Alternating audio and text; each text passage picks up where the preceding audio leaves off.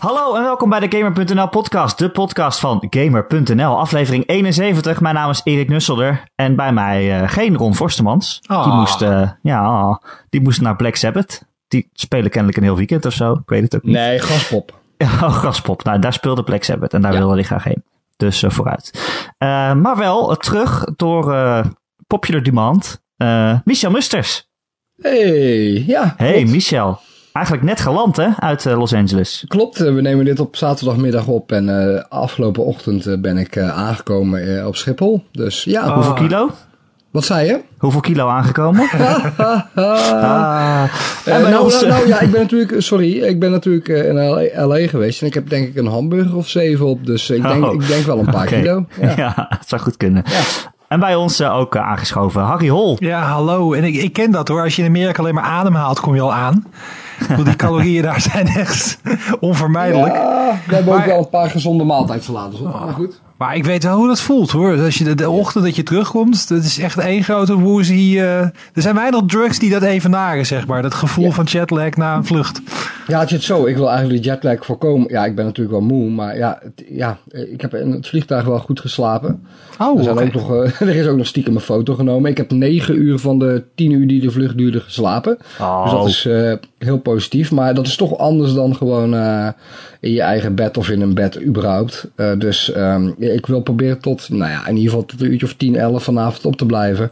Ja. En dan uh, echt uh, flink te crashen. Uh, want als ik nu zou gaan slapen, dan, dan word ik midden in de nacht wakker. En dat slaat helemaal nergens meer op. Dus, ja. Dat is een tip als je, want dat, dat kwam me dus achter de vorige keer dat ik in Amerika was. Dat je op de luchthaven, nou, overal trouwens, heb je gewoon bij de drogist kun je kopen, dat heet Z-Quill. Mm -hmm. Drie keer Z en dan Quill.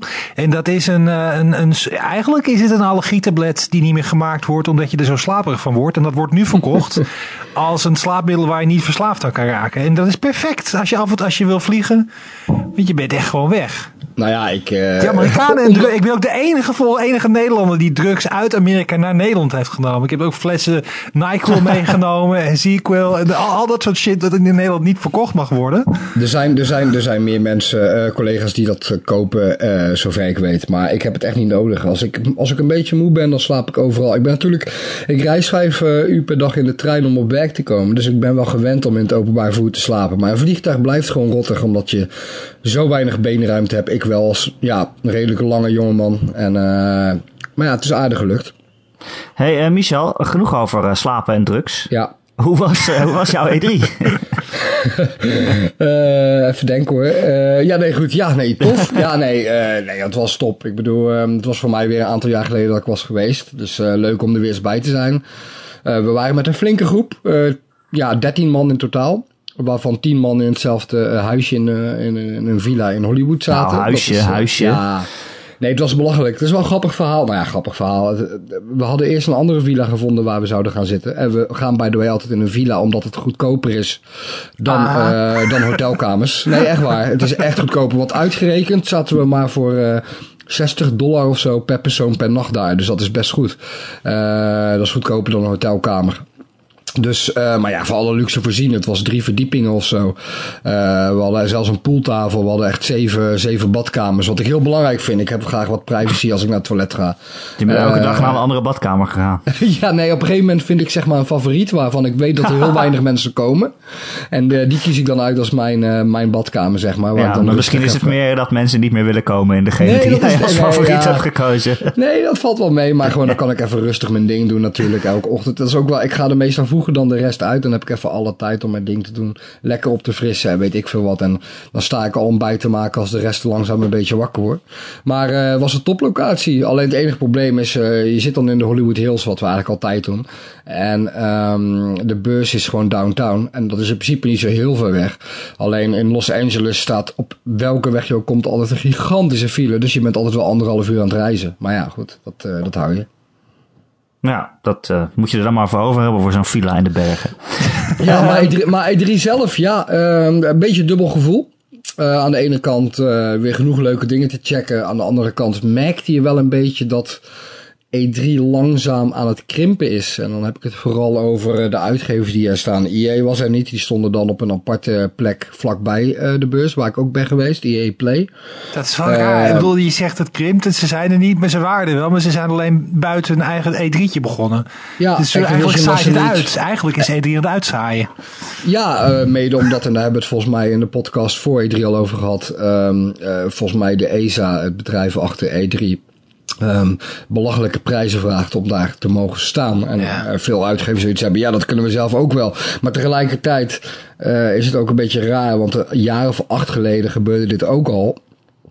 Toen besloten alle uh, uitgevers gewoon zelf hun eigen ding te doen. In Santa Monica, geloof ik. Was het allemaal een beetje verspreid. Maar dat vonden uiteindelijk de journalisten, de gamers, de bedrijven ook niks. En toen hebben ze allemaal besloten: oké, okay, we gaan weer gewoon echt normaal E3 doen. Uh, dus waarom ze nu weer langzaam dat, uh, datzelfde, uh, die, diezelfde fout aan het maken zijn, vind ik ook wel een beetje raar. Maar ja, je merkt het wel op de bus. Um, er waren heel veel bezoekers, maar um, er stond gewoon net even iets minder. De zalen, de twee grote zalen, waren net even iets minder gevuld. Ja, en dat was, ik, ik ja? denk wel dat de tijden gewoon veranderen. Want wat je zegt, het is inderdaad heel erg duur. En vroeger E3 is natuurlijk in het leven geroepen om de aandacht te trekken van mainstream media. Eén dag of één week in het jaar. Hè, de New York ja. Times en de Washington Post en zo. En, en om daar dan één groot evenement voor te houden. Maar dat, dat hoeft eigenlijk niet meer. Je ziet het aan IE. Ook als ze niet bij E3 staan, dan krijgen ze alsnog genoeg media-aandacht. Omdat gaming nu gewoon zo mainstream is geworden dat die mainstream media er toch wel wat mee doen. Ja, tuurlijk. Maar aan de andere kant, um, zo'n beurs zelf, dat, dat levert gewoon nog extra veel mainstream media aandacht uh, op. Dat zie je gewoon. Ik bedoel, er staat zoveel mainstream media. En ik kijk ook naar onze groep. Uh, we hadden uh, natuurlijk, de groep die wij hadden, dat, dat covert zowel gamer Inside Gamer als Power Limited. Uh, dan ook nog eens het Inside Gamer TV-programma wat op Fox wordt uitgezonden. En dan hadden we ook nog eens Marcel Vroegrijk, uh, voormalig gamer-redacteur bij. voormalig nu.nl-redacteur. Die ook nog eens RTL Boulevard samen met Inside Gamer deed. Dus op die manier, weet je, mainstream media vinden dat ook interessant. RTL Boulevard heeft daar twee items op twee avonden primetime aan, aan besteed. Omdat het gewoon zo'n bekende beurs is. En omdat daar gewoon van alles te zien is. Bekendheden rondlopen. Het trekt gewoon veel aandacht. En zou, ik zou het zonde vinden om dat te verliezen, eerlijk gezegd. Nou, wat, ja. uh, die stands die nog wel op de E3 staan, die zijn volgens mij nog steeds echt prachtig. Hè? Tenminste, wat ik ervan gezien heb. Nou ja, de ene uitgever pakt uh, meer uit dan de andere. Maar ik, wat, wat, vooral opviel, uh, wat vooral opviel, dat was uh, de stand van Mafia 3.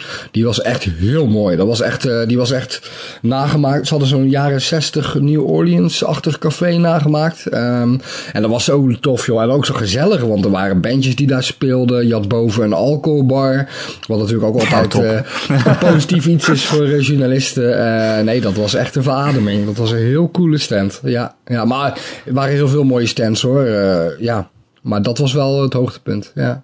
Ja. Jij hebt daar natuurlijk games mogen spelen. Wat, Absoluut. Uh, wat was jouw uh, game of show? Ja, dat zal uh, mensen die mij een beetje kennen niet verrassen waarschijnlijk. Al was ik absoluut niet de enige die daar zo over dacht. Heel veel mensen waren het mee eens. Dat was The Legend of Zelda. En dan moet ik even goed denken wat de ondertitel Breath is. Breath of the Wild. The Breath of the Wild. ja. ja. Ja, een beetje een aparte titel. Maar, een wilde ik, ademhaling. Ik heb af en toe, uh, af en toe maakten we de fout door te zeggen The Breath of the Wild. Dat, dat wordt dan meteen een hele andere game. The maar, Breath of the uh, Wild, dat is de porno parodie versie, toch? Ja. ja, ik hoop dat die komt. Nee, ik bedoel, uh, nou ja, goed, whatever. Maar, Eindelijk een vrouwelijke link. Eindelijk. ja, ja, ja. De, het Brothers moest het uiteindelijk hey, maken. I see you got that maar... master sword there. Trek hem in mijn scheden. Ja, nee, oké. Okay, maar... Kijk, dat is dan weer een stap te ver. Wat ik zeg, kan Sorry. je nog... Ja, oké. Okay. Nee, uh, Zelda dus. Ja joh, uh, ik vond het echt top. Uh, ik bedoel, je ziet wel dat het op een Wii U draait. Snap je? Dus ik bedoel, het is een open wereld en het heeft niet zoveel detail als een, ja, ik weet wel, een, een Witcher 3 of zo. Maar op een of andere manier voelde de game toch realistischer dan alle andere open wereld games. En dat is om het volgende. Het is een gigantische open wereld. Ik bedoel, de demo die we speelden was blijkbaar maar 1% van de totale open wereld. Maar het was echt al gigantisch. Het had bijna een Zelda gebied op zich kunnen zijn. Een Zelda game op zich kunnen zijn. Maar um, het geinige is, of ja, het, het aparte is, het opvallende is, dat die wereld, um, je komt echt niet om de paar meter iets tegen, een puzzel of een vijand of wat dan ook. Nee, je loopt gewoon hele stukken waarin eigenlijk niets gebeurt. En dat klinkt misschien een beetje saai, maar het, het, is een soort van realisme. Um, als je in het echt door de natuur loopt, kom je ook niet om de vijf meter iets tegen waarvan je denkt: hé, hey, dit is raar. Nee, uh, je loopt dan echt naar een doel, naar iets in de verte, een mooie berg in de verte of zo. En dat is precies wat aan de hand is met deze nieuwe Zelda. Je ziet overal in de verte eh, burchten, kastelen, gebieden die je wilt verkennen. Maar je moet daarheen lopen en dat duurt even. En nou heeft Nintendo me wel verteld, ja, in de uiteindelijke game zit ook een paard, dus dan gaat het wat sneller. Maar ik vond het nu al tof om uh, gewoon ja, naar interessante punten toe te lopen. En dat er onderweg vrij weinig gebeurt is niet erg. Want dat schilderachtige landschap is al aan zich al een genot om doorheen te lopen. Maar dat is ook dat is iets wat ik bij MMO's en bij RPG's sowieso altijd wel waardeer als het gevoel voor schaal intact blijft. Want het probleem wat ik heb met, uh, met bijvoorbeeld Skyrim, wat ik een hele gave game vind trouwens hoor, ik bedoel don't kill me, maar uh, door alle teleportpunten maakt het niet uit hoe groot die wereld is, want ja, je bent er in een oogwenk.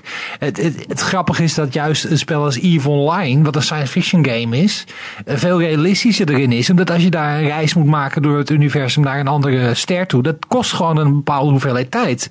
Waardoor je ook echt waardering krijgt voor het feit dat het gebied waar je doorheen gaat gewoon groot is. En dat geeft, is een de, de reis is een onderdeel van de ervaring. En dat, dat vind ik dus heel tof dat dat een onderdeel is van een nieuwe Zelda. Ja, nou moet ik zeggen, teleporteren is natuurlijk een, een, eigenlijk een verhaal op zich. Ik bedoel, uh, je kan ook voor kiezen in MMO's of in, in, in RPG's zoals die Elder Scrolls om gewoon niet te fast travelen. Dat kan natuurlijk. en er zitten echt wel volgens mij fast travel punten in Zelda. Op een gegeven moment had ik een bepaald bepaalde portal gevonden die mij direct naar een ander punt waar ik al was geweest toe uh, zepte als het ware. Dus dat zit er nog wel in. Uh, maar ja, ik vond het zelf veel leuker om gewoon te lopen uh, inderdaad. En uh, ja, onderweg maak je natuurlijk wel genoeg dingen mee. Er zijn een aantal nieuwe elementen, waaronder voor het eerst volgens mij in een Zelda game dat je de wapens die je hebt, die slijten best wel snel. je kan overal allerlei wapens en stokken en, en weet ik veel wat vinden, die je dan gewoon in je inventar inventaris plaatst. En kan gebruiken. Dus dat is ook nieuw. Uh, ik heb nog geen Master ge gestopt, uh, gespot, al zal die er vast wel in zitten. Op het einde van de trailer zie je die volgens mij wel, dus hij zal er wel zijn. Uh, dus dat is nieuw aan de Zelda-reeks. Uh, wat ook nieuw is, is, of ja, niet nieuw, wat van even denken hoor, Skyward Sword komt, is dat je een stamina meter hebt. Wat best wel uh, impact heeft, want je moet veel bergen beklimmen. Nou ja, als je niet goed op je stamina meter let, dan val je er vanaf. Of als je zwemt, dan gaat hij ook op, dus dan verdrink je als je niet op let.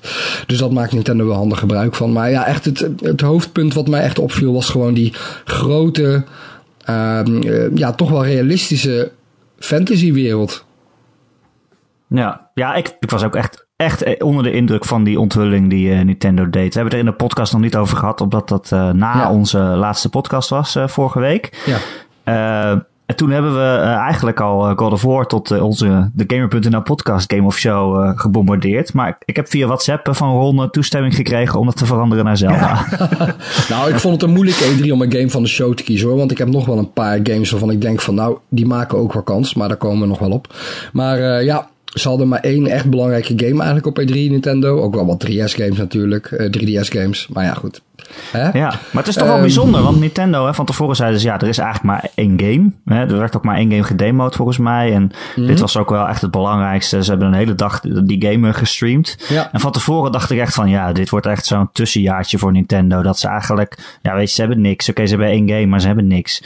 Maar uiteindelijk blijkt het toch best wel slim te zijn volgens mij. Want iedereen heeft ja. het over dat spel. Ja, weet je wat? Uh, er, was, er was ook zo'n statistiek uh, van Twitter en van social ja. media dat het, dat het verreweg uh, de meest besproken game op social media is geweest. Nou, je zag het ook op de beurs, hè. Um, kijk, ze hadden eigenlijk maar één game, één belangrijke game die speelbaar was. Dus Zelda.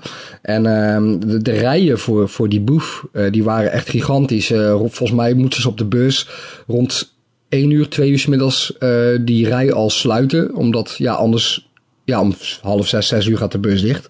Als ze die rij nog langer hadden gemaakt, hadden die mensen er voor niks in gestaan. Dus zo populair was dat. En terecht hoor, want de booth zelf, die was ook prachtig. Dat heb je misschien in de video's kunnen zien die ik heb opgenomen.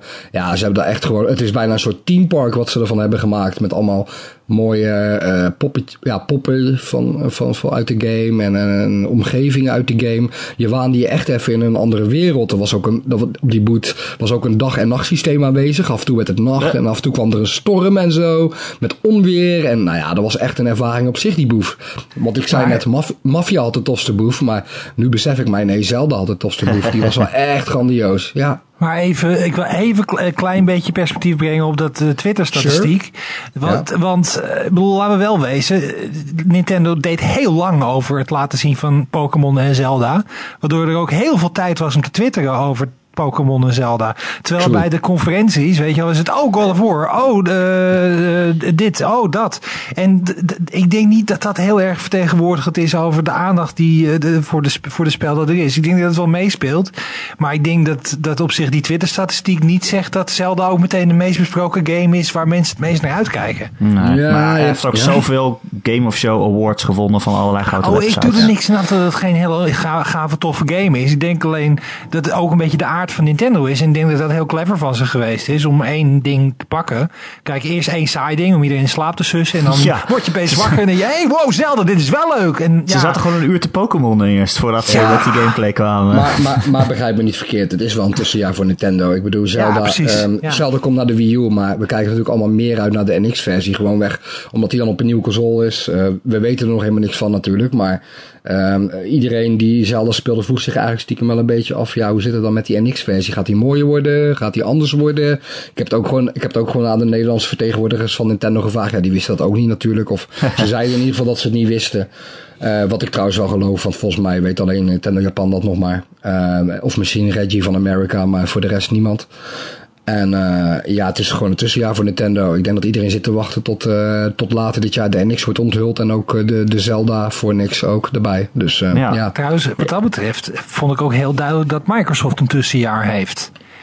Ja, laten we meteen overgaan naar Microsoft anders, ja. Want het, het feit dat, ik had, ik heb nog nooit, dat heb ik ook in een andere podcast uh, gezegd, Game, Game, Game Bites, luister. Maar dat, dat, hey. dat nooit van gehoord. Dat, nou, Gamebites.nl, moet je luisteren. Maar, uh, ja, ja, genoeg, genoeg dat, dat die uh, Microsoft zo ontzettend zijn best deed om iedereen ervan overtuigen dat dit echt niet het moment is om een Xbox te kopen. Want ze eigenlijk hebben ze gezegd van ja, er komt volgend jaar een veel gavere, betere, krachtiger, VR-ready Xbox die alle spellen kan spelen die de Xbox kan spelen. Dus uh, ja, eigenlijk wat je, en als je nu eigenlijk al goede games wil spelen en je hebt Windows 10, doe dat dan gewoon. En, dat vond ik, en het aantal spellen wat ze lieten zien, dat, ik had ook niet het gevoel dat ze echt het, alle registers open hebben gegooid om uh, mensen ervan te overtuigen dat hun platform op dit moment nog super relevant is. Nou ja, Microsoft. Uh, het, het, het, grappige is dat de tendens was een beetje bij heel ons, bij heel de redactie uh, die in LA aanwezig was. Uh, dat alle persconferenties een beetje tegenvielen. En, uh, of dat, dat E3 aan zich een beetje tegenviel met de verrassingen. Totdat Sony dan als laatste aan de beurt was. Ja. Maar daar, kom, daar komen we straks op. Maar uh, Microsoft had gewoon heel erg het probleem dat driekwart van hun verrassingen. En daar draaien persconferenties op E3 toch een beetje over. De verrassingen, dat willen de gamers en de journalisten zien. Die verrassingen die waren allemaal uitgelekt. En dat hadden ze ook heel erg tegen. Uh, weet je wel, die, die, die Scorpio en uh, die Xbox Slim en Dead Rising 4 en volgens mij Forza 3 ook, uh, Forza ja. Horizon 3 bedoel ik.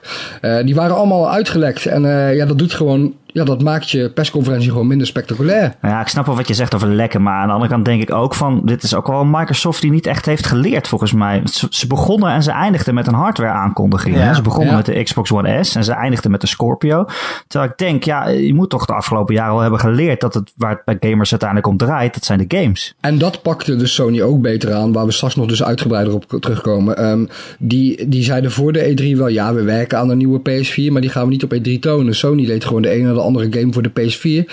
Die gewoon binnenkort of volgend jaar speelbaar zijn op die PS4 die je thuis hebt staan. En dat, ja, dat, dat, dat, heeft, ja, dat heeft een veel beter effect, denk ik. Maar, ja, maar, ja. maar dat geldt sowieso voor. Kijk, het is bij uh, Sony heel duidelijk dat als jij nu een PlayStation 4 hebt, dan sta je niet in de kou op het moment dat die PlayStation 4 Plus uitkomt. Nou ja, bij Xbox ook niet in principe. Ze hebben duidelijk in de persconferentie gezegd: alles wat speelbaar wordt op de Xbox uh, Scorpio, of sorry, de, of ja, de, de Scorpio, hoe je het ook wil noemen, Project Scorpio, dat, uh, dat wordt ook speelbaar op de Xbox One. Niet dus helemaal. Ze hebben het wel duidelijk. VR is namelijk niet gebruiken op de Xbox One. En dat is wel een onderscheid. Ik bedoel, hoe je het ook wint of keert, PlayStation 4 kan met een PlayStation VR gewoon dra alles draaien.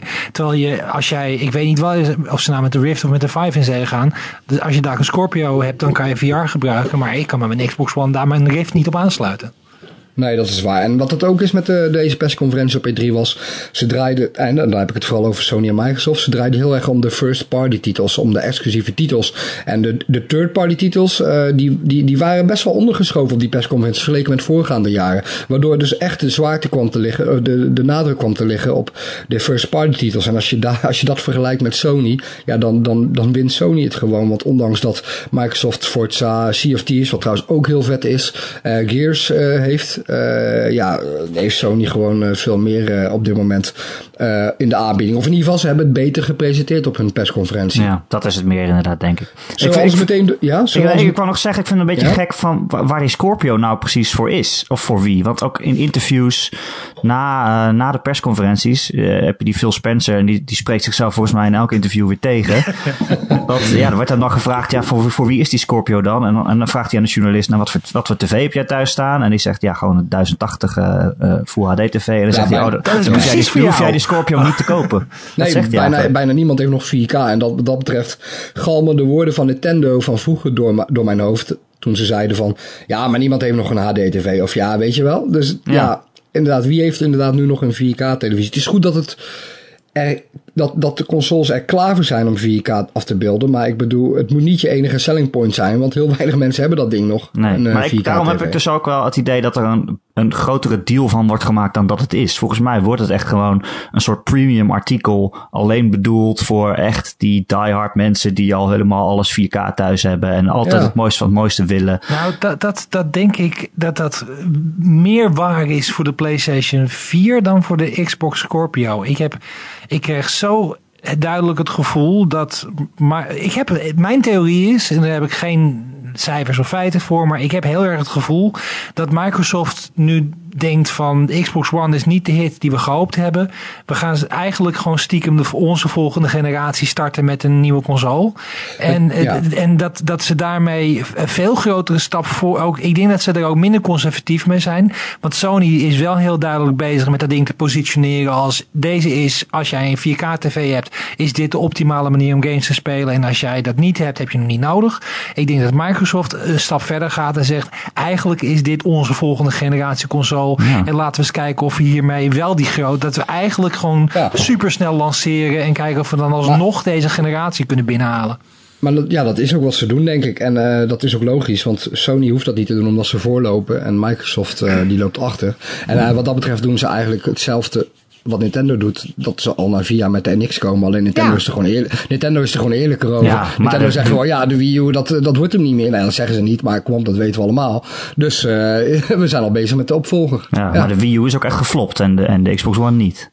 Nou, nee, maar, maar, maar, maar, ik denk dat in Microsoft ogen de Xbox One, wat Harry al zegt, uh, niet is wat ze hadden gehoopt qua succes. Dus uh, niet goed genoeg, niet goed genoeg in ieder geval om door te gaan. Afhankelijk, afhankelijk nou, van je interpretatie, want ik denk dat ze van tevoren uh, voor deze cijfers getekend hadden. Volgens mij verkoopt hij ongeveer even goed als de 360 op, in dezelfde levensspan. Laat ik het anders zeggen. Ja, Laat okay. ik het anders zeggen. Wat, eventjes, even kort het pad van de Xbox One.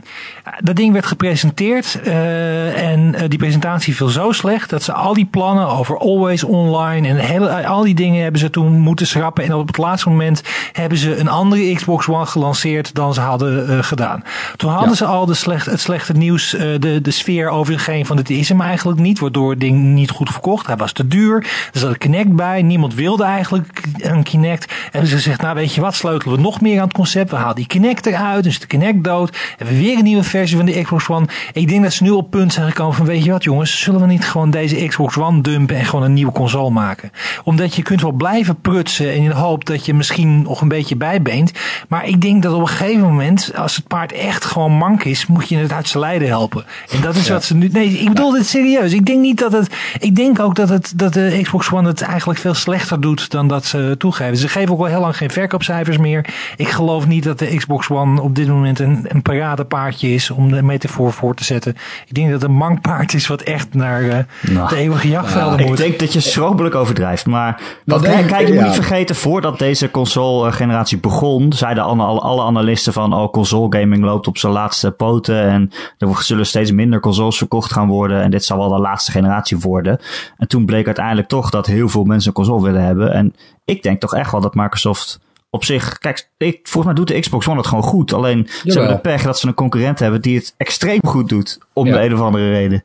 Ja, maar om dit even een beetje te. Ja, we hebben ja, een tijdje. Het, het, blijft, het, blijft een beetje koffiedik kijken, dit. En ik, ik, zou het graag op de feiten willen houden. Maar daarom, daarom vind ik het zo raar dat Microsoft dit zo aankondigt en dan in interviews weer allemaal dingen zegt. Ze verzaaien alleen maar meer verwarring, heb ik het idee. Ja, ze dat, en dat is dus de reden dat ik denk wat ik denk. Ik bedoel, dat is, ja, maar ze zeggen iets anders. Want ze zeggen van het is, het is 4K en de, en, de, en de framerate wordt niet anders en er mogen geen exclusieve games op de Scorpio. Het is alleen maar om het mooier te worden. En uh, als ze dan toch iets anders gaan doen, dan gaan ze dus toch weer heel veel verwarring zaaien. En ik had toch juist gehoopt dat ze geleerd hadden om dat niet te doen. Maar we, gaan het, we, gaan, we, gaan, we gaan het zien. Ik, We gaan nu wel heel lang hierover door, denk ik. ik, wil alleen, ik wil nog alleen even zeggen, als we even teruggaan naar de games, vind ik wel dat Sea of Thieves er bovenuit springt. Heb je die gespeeld? Of, uh... Ik zelf niet, collega's wel. Ah, uh, maar ik, ik, ik kijk er al lang naar uit. En wat ik hoor van collega's, ook Jan van uh, de Puur van Paulem, dit was heel enthousiast, maar volgens mij ook Arthur uh, van ons. Uh, die, ja, het is eigenlijk gewoon piraatje spelen met je vrienden. Nou, dat is geweldig. Ja. ja, het leek me ook wel echt heel leuk, ja. Maar ja, ja. Jammer dat ze het in zo'n filmpje met schreeuwende millennials hebben aangekondigd. Nou ja, maar, volgens mij, volgens mij ja oké, ja, dat is misschien onze leeftijd dat we dat niet zo goed trekken. Maar... Ja, dat is misschien waar. Ik had er gelast van. Ik vond het er heel tof uitzien. De game leek oh, geweldig. Maar je nog zo jong, Harry. Dat is waar, dat is waar. ja, zullen we doorgaan naar... Uh... Ja, voordat we het over mijn leeftijd gaan hebben, gaan we het over wat anders hebben. Ja, want Ik, ik, ja, wij, zeiden al, uh, ja, Microsoft had gewoon een goede persconferentie. Vonden wij althans. Gewoon, gewoon, gewoon degelijk goed. in elkaar. En, en, en, toen kwam Sony en toen dachten we weer van, oh jezus, dat hebben ze toch weer even mooi neergezet. Ja, ik zal het even uh, beschrijven hoe dat was om daarbij te zijn. Want we hadden natuurlijk al een aantal persconferenties gehad. EA, Microsoft, Ubi, Bethesda waren allemaal gewoon degelijke persconferenties, zoals je al zegt. Gewoon prima, een aantal verrassingen hier en daar. Games die we al kenden, die wat verder uitgewerkt waren. Maar nog niet dat we echt zoiets hadden van, wow, we worden hier weggeblazen met de ene naar de andere verrassing. Nou, toen kwam de laatste persconferentie. We waren allemaal een beetje moe en weet ik veel wat. Dus we zaten daar in de zaal en uh, nou, geloof maar, we werden flink wakker geschud. Want no nonsense, niet eindeloos gelul, weet ik veel wat. Gewoon de ene naar de andere game. En, de, boom, boom, boom. ja. elke, game, elke game zag eruit als de nieuwe Uncharted of The Last of Us of whatever. Gewoon een hele, allemaal filmische ervaringen waarvan je denkt van ja, die wil ik gewoon spelen. Dat kunnen zowel goede gameplay games zijn als goede verhalende games met een emotionele impact. Als je kijkt naar God of War, uh, die gameplay die zal echt wel goed zitten. Daar, daar twijfel je al bijna niet over, omdat Santa Monica kan dat gewoon, dat hebben ze al bewezen. Maar dan komt er ook nog eens een keer dat, dat verhaal met, met die zoon van Kratos bij. En als je al op het einde ziet hoe ze bij dat, volgens mij was het een hert, uh, hoe ze daarbij staan en dat... Een eland, sorry, dankjewel Harry. Uh, die emotionele uh, dialoog tussen die twee, ja, dat, dat, dat was gewoon mooi. Ja, dat jongetje gaat binnen een uur dood, dat weet je al natuurlijk. Nou, nee, dat wordt, dat, dat wordt, dat wordt de God of War. Dat, bedoel, mijn, ik, denk dat, ik denk dat hij het over... Het is ook logischer dat de, iemand de, de, de ketting overneemt. Uh, Juist. Want ze gaan, oh. ze gaan een nieuw pantheon van, van goden te lijf. En ik, ik persoonlijk zou het een beetje gek vinden als Kratos niet alleen alle Griekse goden uitmoordt, maar vervolgens ook die van de van, uh, van de, de, het Valhalla. En vervolgens gaat hij de Egypte, Egyptische goden langs. Oh, en vervolgens gaat hij niet als Kratos spelen. Ik, ik denk nou, dat... Ik denk, dat sowieso, het feit dat je in die demo al zag dat, dat jochie met die pijl en boog aan het schieten was. Dat was, de gameplay ging over naar het jongetje. Het was niet alles vanuit het oogpunt van uh, Kratos. Dus ik, ik denk dat dat een voor de hand liggende keuze is om de... Nou, ik wil, ik wil Harry, ik wil je wel even corrigeren. Want volgens mij heeft een van mijn collega's dat gevraagd aan de ontwikkelaars bij een sessie. En ik, ik, durf, het, ja, ik durf het met 99% zekerheid te zeggen dat die ontwikkelaars hebben verteld. Je speelt deze game gewoon met Kratos. Ja, oké. Maar ontwikkelaars liegen nog wel eens, hè? Want ze zeiden over de Last of Us ook dat je niet met Ellie ging spelen. Ja, dus, dat, is, dat is waar. Maar ik, ik verwacht zelf dan daarom dat, dat je de game nog wel met Kratos speelt. En dat dan de volgende God of War game met zijn zoon, die dan volwassen is, oh, zal zijn. Ja, dat het een, maar in ieder geval is de opbouw zag ik er wel in zitten. Dat daar, ik denk niet dat, nou ja, goed, ik, weet het ook nou, niet. maar, ik vond het juist zo voor de hand liggen dat dat jongetje doodging en dat Kratos dan wraak moest nemen. Oh, nee, nee. Nee, ik, denk, ik, denk, ik zie dat niet gebeuren, nee. Oké. Uh, maar in ieder geval. Kratos is ja? ook niet zo gauw boos, weet je wel. Het is een hele, hele beheerste. Die is heel redelijk, daar kan je mee praten. Hij heeft anger management gehad. Uh, maar, uh, ja, Klappen voor anger management. Ja. Dat is een sitcom die wacht om gemaakt te worden. hey, maar Sony had natuurlijk nog veel meer. Echt grandioos. de nieuwe gameplay demo van Horizon, Zero Dawn. Ja. Ook die game was speelbaar op E3 en ook die heb ik helaas gemist. Maar iedereen die het heeft gespeeld was dol enthousiast een van de games van de show blijkbaar echt. Uh, wat dat betreft, uh, alles klopte gewoon wat ik van mijn collega's hoorde. Um, gewoon ook uh, die dieren temmen, of die dieren, die robots eigenlijk, die robotdieren temmen en er, er vervolgens op rijden. Dat klopt gewoon. En ze, ze zijn ook zo slim, want als je erop klimt en je gaat ondertussen tegen een andere vijand vechten of iets anders doen, om met pijl en boog schieten. Ze zijn zo slim dat ze niet tegen een boom aanlopen of dat ze niet uh, moeilijk gaan doen. Nee, maar ze lopen gewoon precies zoals je zou willen dat ze lopen terwijl je erop zit. En uh, het werkt gewoon. Het werkt gewoon. Ja, cool. Uh, ik vond de, de grootste aankondiging toch die, die exclusieve Spider-Man game uiteindelijk, als ik erover ja. nadenk. Was verder niet op de beurs te vinden, maar het was wel een grote het was, alleen, het was alleen een trailertje. Ze hebben daarna wel gezegd van uh, het was wel in-game en het, en het was gewoon gameplay, wat, wat ze in die uh, demo hebben laten zien, in die trailer. Ja.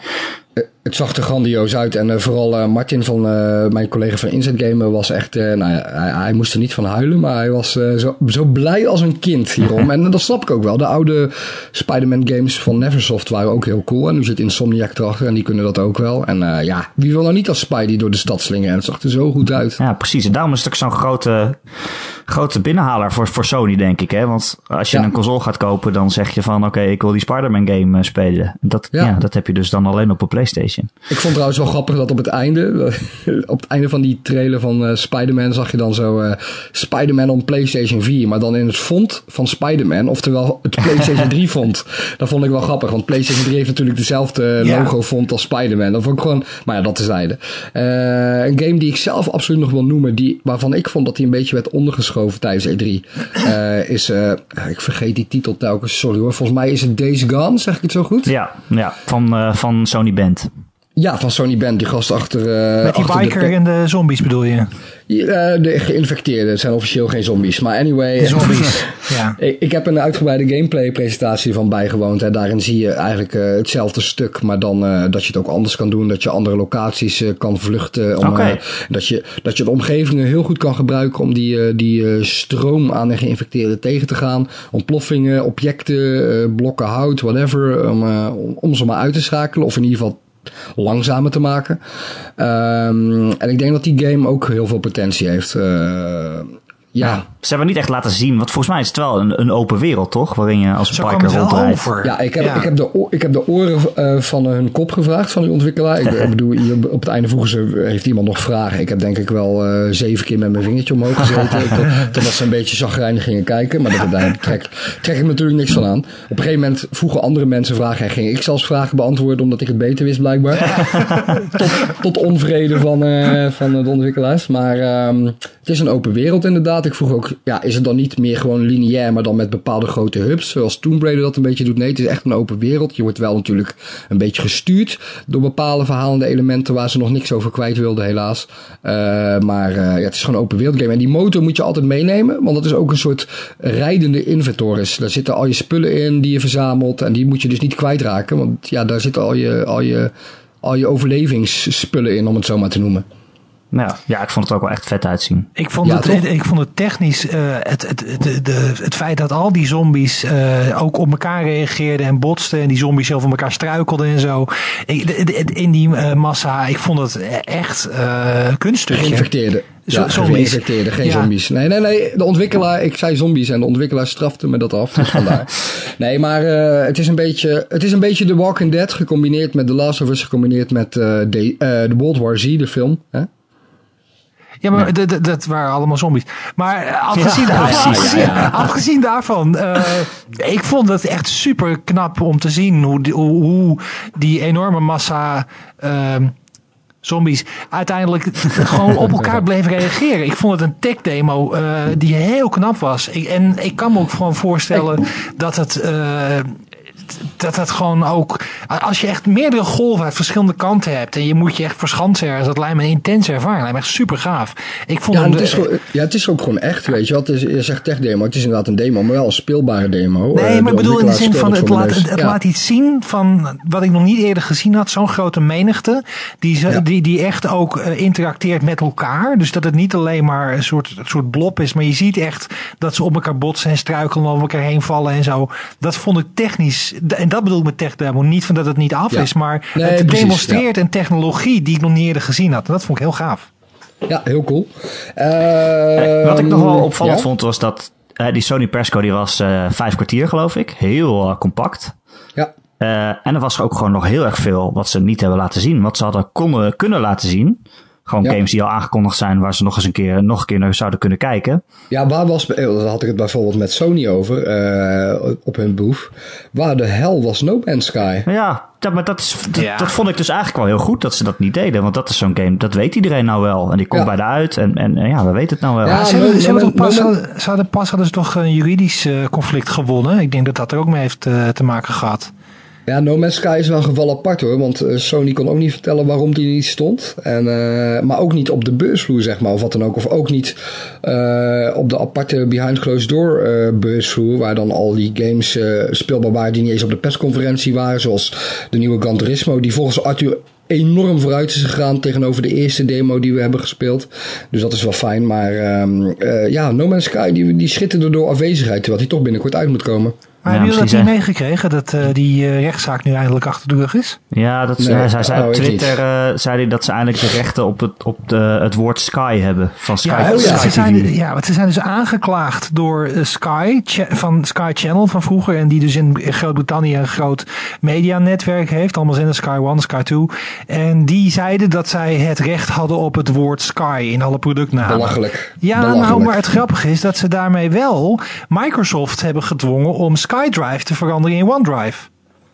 Dat is namelijk hetzelfde, dezelfde kwestie geweest. Sky die heeft echt zijn eigen uh, naam uh, heel st streng verdedigd. En het is, ja, het is natuurlijk te absurd voor woorden om het woordje Sky te kunnen uh, patenteren. Maar ja, het is dus een keer gelukt bij Microsoft. Het, heel... doet me denken, het doet me denken aan die dude die het woordje Edge blijkbaar of zo had gepatenteerd. Waardoor die moeilijk ging doen bij het blad Edge. En volgens mij ook bij Mirror's Edge en zo. Oh, ja, nee. belachelijk.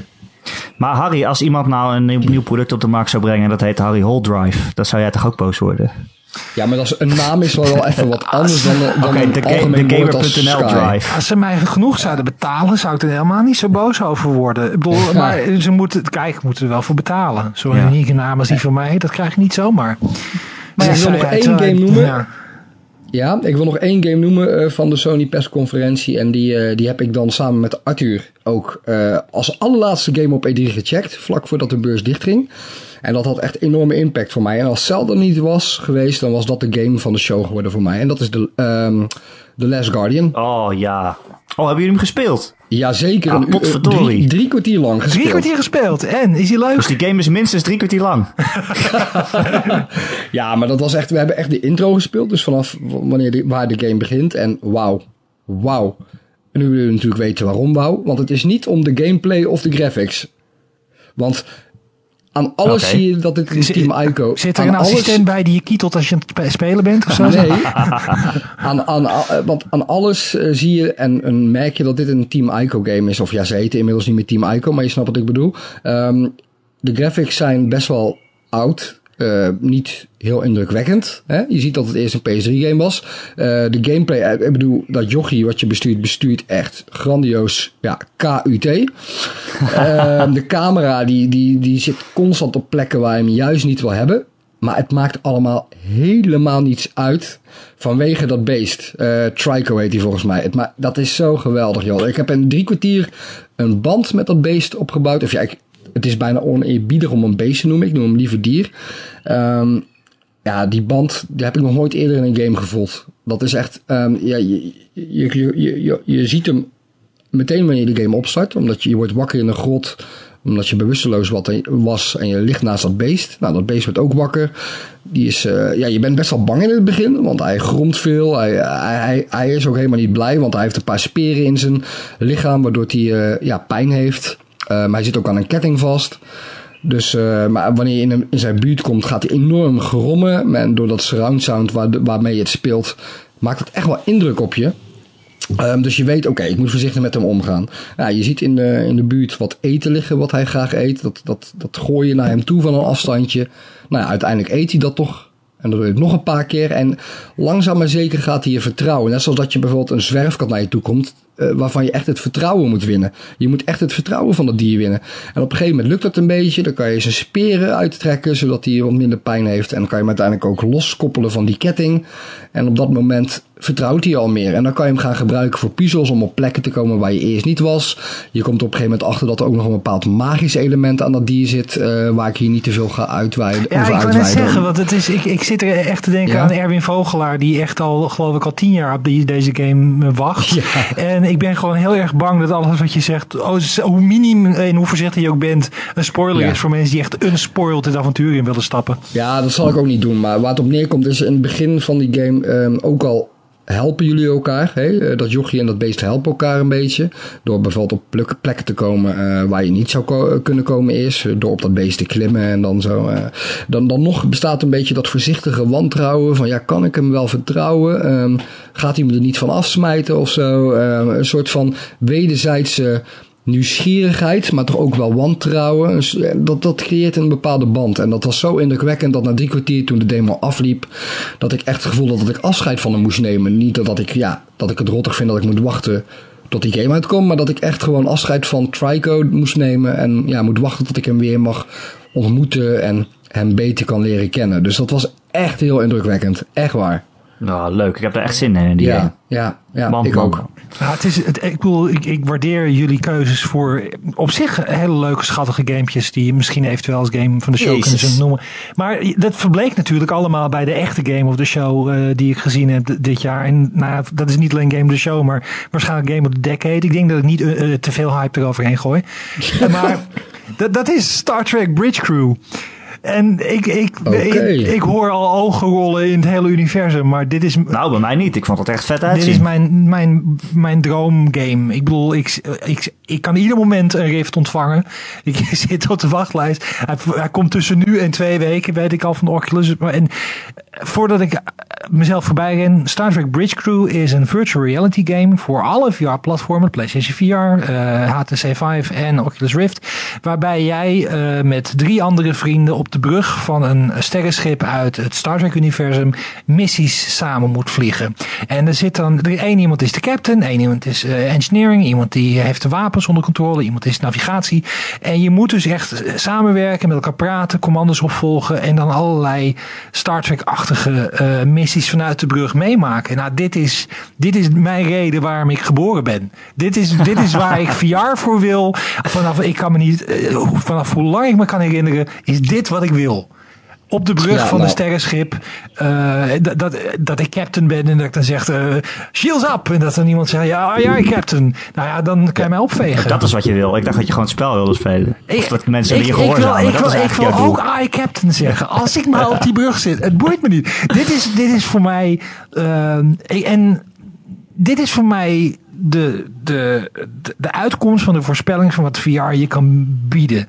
En ja, het is, wel, het, is, het, is, het is wel grappig, want ik heb, uh, ik, heb, ik heb ook Ubisoft bezocht op de beurs. En toen heb ik even met, uh, met, met een, uh, een werknemer van Ubisoft Nederland staan praten een tijdje.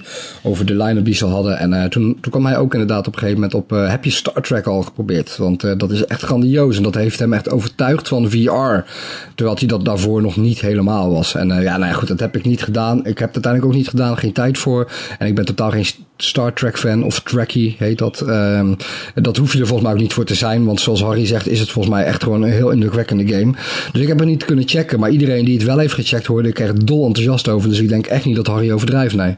Het, het, idee, het, is ook zo mooi. dit, dit, is volgens mij echt waar VR ja. voor bedoeld is. Dat je ergens bent waar je altijd al hebt willen zijn. Een plek die niet eens bestaat. Maar hè, op, de, op de bridge van, van een starship uit Star Trek en je kijkt om je heen en je bent daar. Dat, dat, dat is echt het doel van VR volgens en, mij. En om dan meteen maar het onderwerp VR te pakken, dat was echt alom vertegenwoordigd op E3 dit jaar. Dat was uh, ja, indrukwekkend. VR is here to stay, uh, kan je wel zeggen als je op E3 rondloopt. Want PlayStation pakt gigantisch uit met VR, ook tijdens de persconferentie al natuurlijk. Uh, ja. Resident Evil 7, hallo. Dat zie ik niet trouwens hoor. Dat is, ik bedoel, ik ben, er is geen grotere VR-evangelist dan ik. Maar als, ik kan me niet voorstellen, ik bedoel, ik, heb, ik kan me niet voorstellen dat je dat spel kan spelen zonder na ieder half uur een tijltje te moeten grijpen om over te geven. Nou, het, het, is grappig. Wij hebben het bijna allemaal niet kunnen spelen omdat de wachtrij gigantisch is. De afspraken die we hadden gemaakt gingen op het laatste moment niet door om een of andere vage reden. Dus uh, dat is een van de games die we helaas hebben moeten missen. Uh, behalve Wouter van der Pu. En die uh, was zo teleurgesteld om het feit dat hij na die demo echt gewoon een uur of een paar uur zelfs kotsmisselijk was. Ja, dat bedoel ik. En dat is het eerste wat ik zag dat en ik dacht van er zijn een aantal dingen die je gewoon niet moet doen in VR. En de, eerste is niet uh, vanuit de eerste persoon uh, met, met een joystick of met muis en toetsenbord dezelfde controls hebben als een, uh, een, een first-person shooter. Want je hebt niet de illusie dat je loopt. Je hebt de illusie dat je op een soort rolstoel of in een segway vooruit glijdt. Daar word je al misselijk van. Vervolgens maken ze het ook nog eens donker, waardoor je nog dat gevoel van beweging versterkt wordt. Ik had het al met, ik heb het al met, als ik sommige spellen in donker speel, dat ik op een gewoon scherm wagenziek word. En ik zat naar die demo te kijken. Ik denk van, dit is zo'n vergissing. dit moet je third person doen. Er zijn hele goede survival horror games in third person in VR mogelijk. Je hebt zoiets als uh, Edge of Nowhere van Insomniac pas uitgekomen. Dat is hoe je dat soort dingen doet. Maar dit leek mij echt één grote design clusterfuck, pardon my French. Ja. Hm. Ja, ja, we moeten het zien. Uh, ja, blijkbaar uh, de eerste reacties van bijvoorbeeld een Wouter van der Puur, die, die beamen dat wel. Dus uh, ja. Maar VR ja. was in ieder geval wel al onvertegenwoordigd. Uh, PlayStation ja, had een uh, grote, grote booth met allerlei VR-games die te testen waren. dus ja.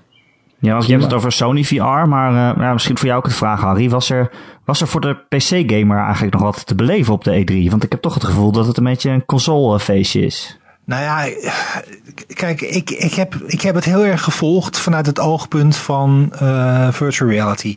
Dit is een obsessie van me. Ik, ik, weet ook wel dat het niet realistisch is, maar ik denk dat VR gewoon tussen nu en anderhalf jaar alle game uh, ervaringen gaat doordringen. Dus voor mij is dit het.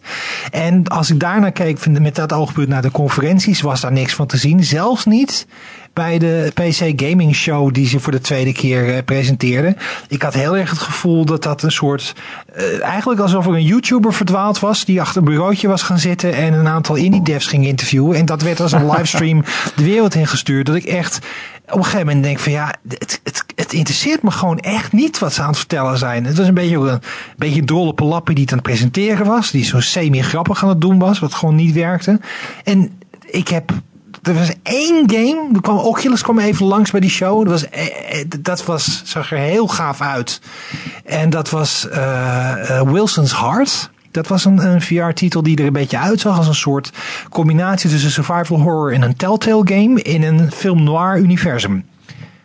Oké, okay, dat heb ik niet gezien. En dat klinkt wel leuk. Moet je eventjes naar zoeken. Dat, dat, dat is een ja, het, het, is een soort horror game. Er zitten ook wel uh, monster elementen in, maar het is vooral uh, verkennen en interactie met andere personages. En die worden ook gespeeld door uh, acteurs die we kennen van films. Ik kan even niet op de namen komen, maar dat is omdat ik slecht ben in namen.